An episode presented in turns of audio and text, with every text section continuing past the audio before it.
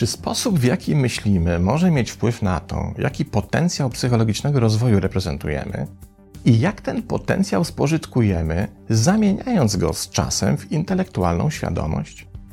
Albo postawmy to pytanie inaczej.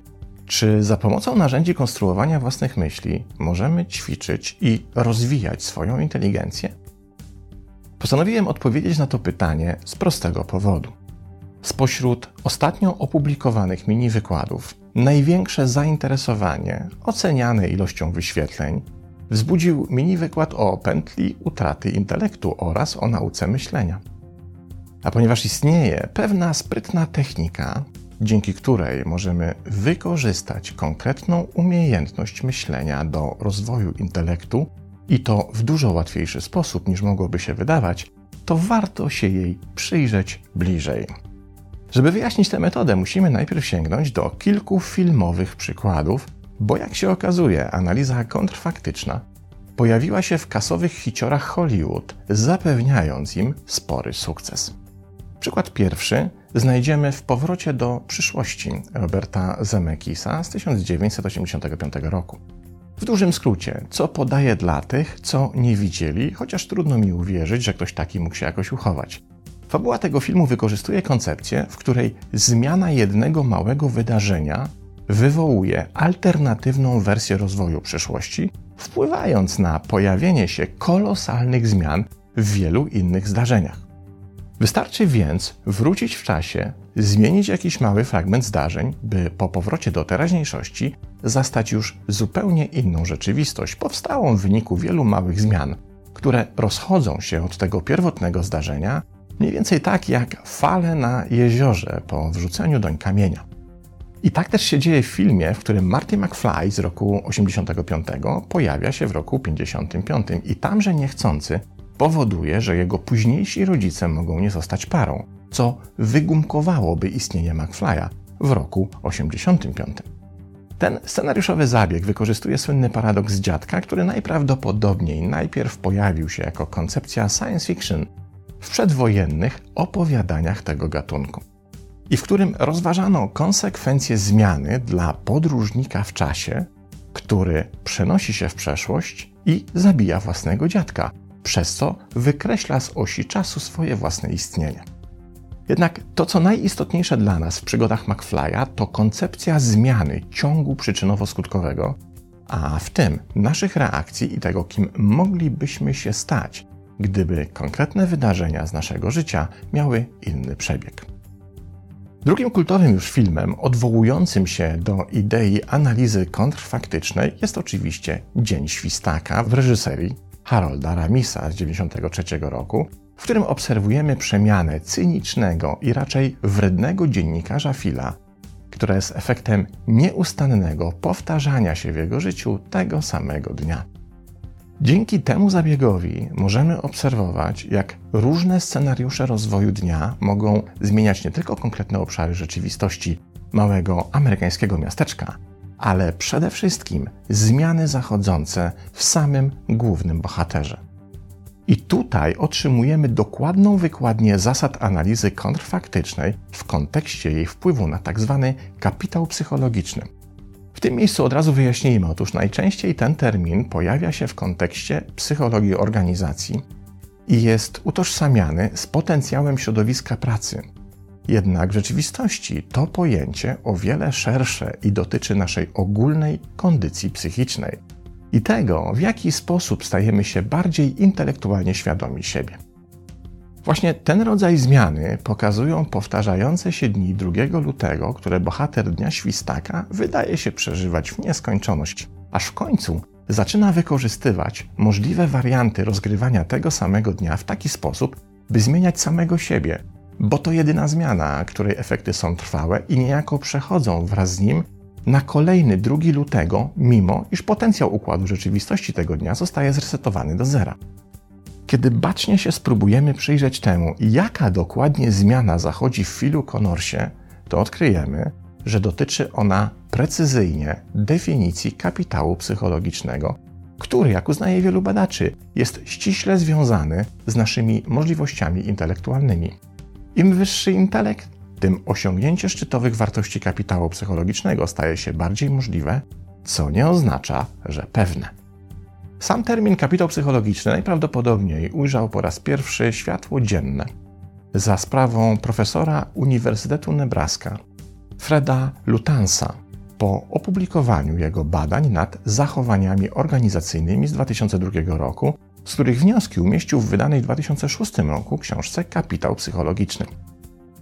Lutans stworzył listę czterech obszarów, w których rozwój na planie jednostkowym jest odpowiedzialny za osiągnięcie odpowiedniego poziomu kapitału.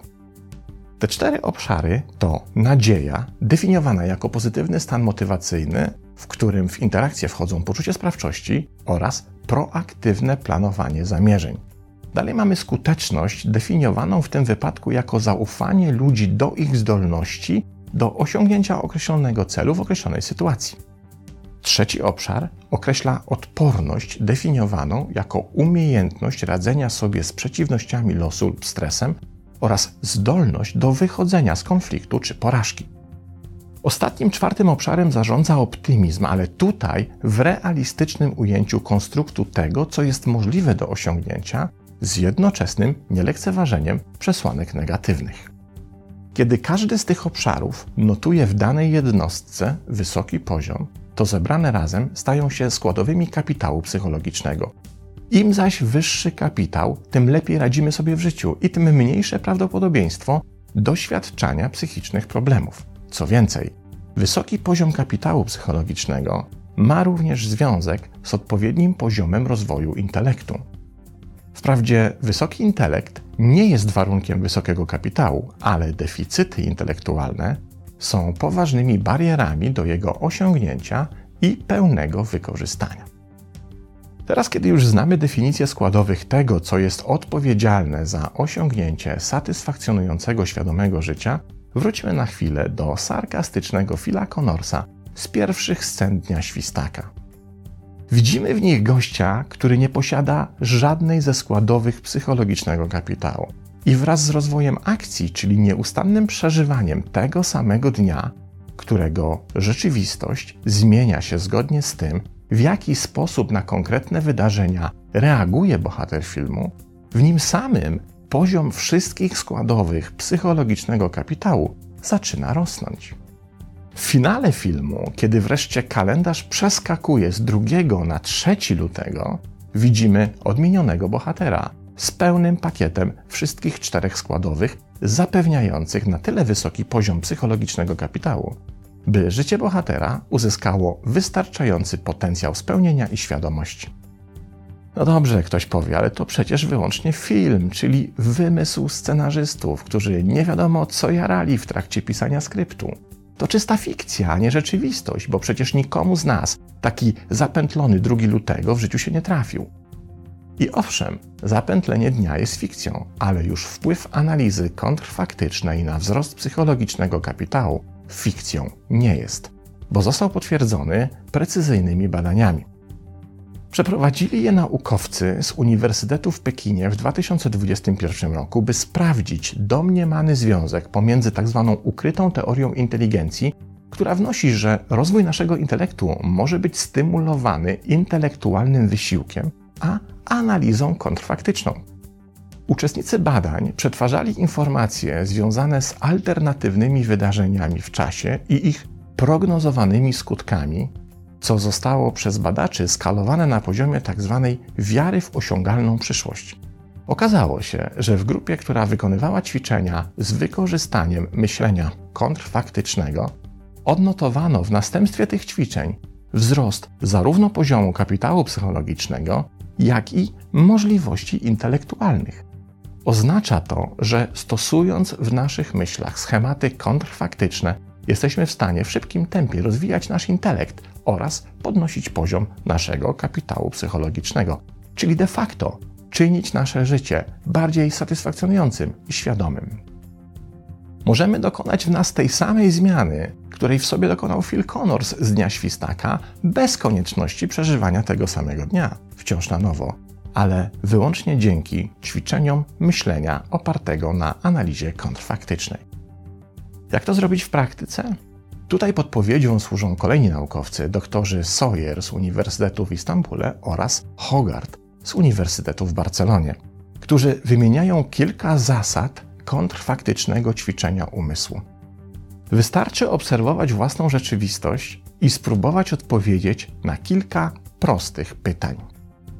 Jak zmieniłby się skutek obserwowanego zdarzenia, gdyby za jego zaistnieniem stała inna przyczyna niż ta, której istnienie rozumiem i dostrzegam?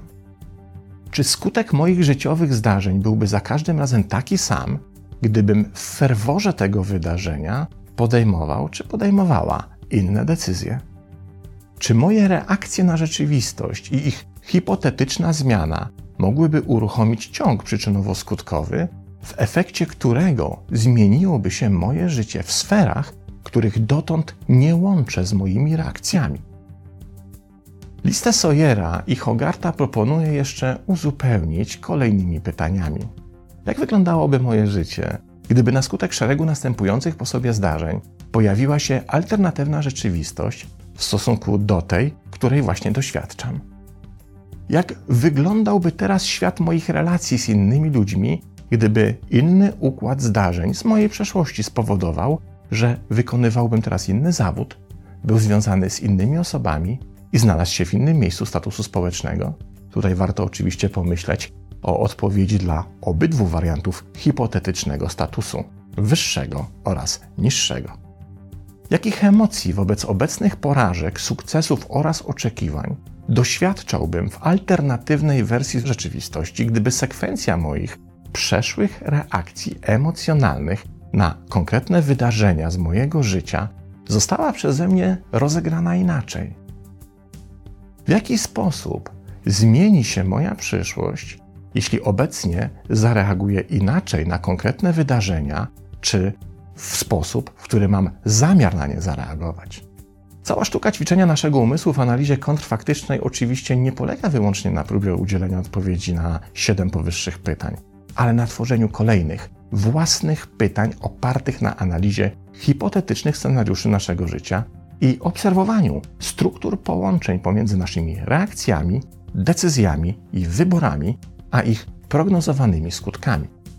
Według doktora Sawyera i Hogarta film Dzień Świstaka zawiera ciekawą przepowiednię, zgodnie z którą, gdybyśmy wiedzieli więcej o różnych możliwych konsekwencjach naszych decyzji i mieli więcej informacji o wszystkim wokół nas, stalibyśmy się być może bardziej przyzwoici. Badania wskazują, że ta przyzwoitość zostałaby również uzupełniona przez podniesiony poziom świadomości i intelektu. A wystarczy tylko trochę poćwiczyć. Pozdrawiam.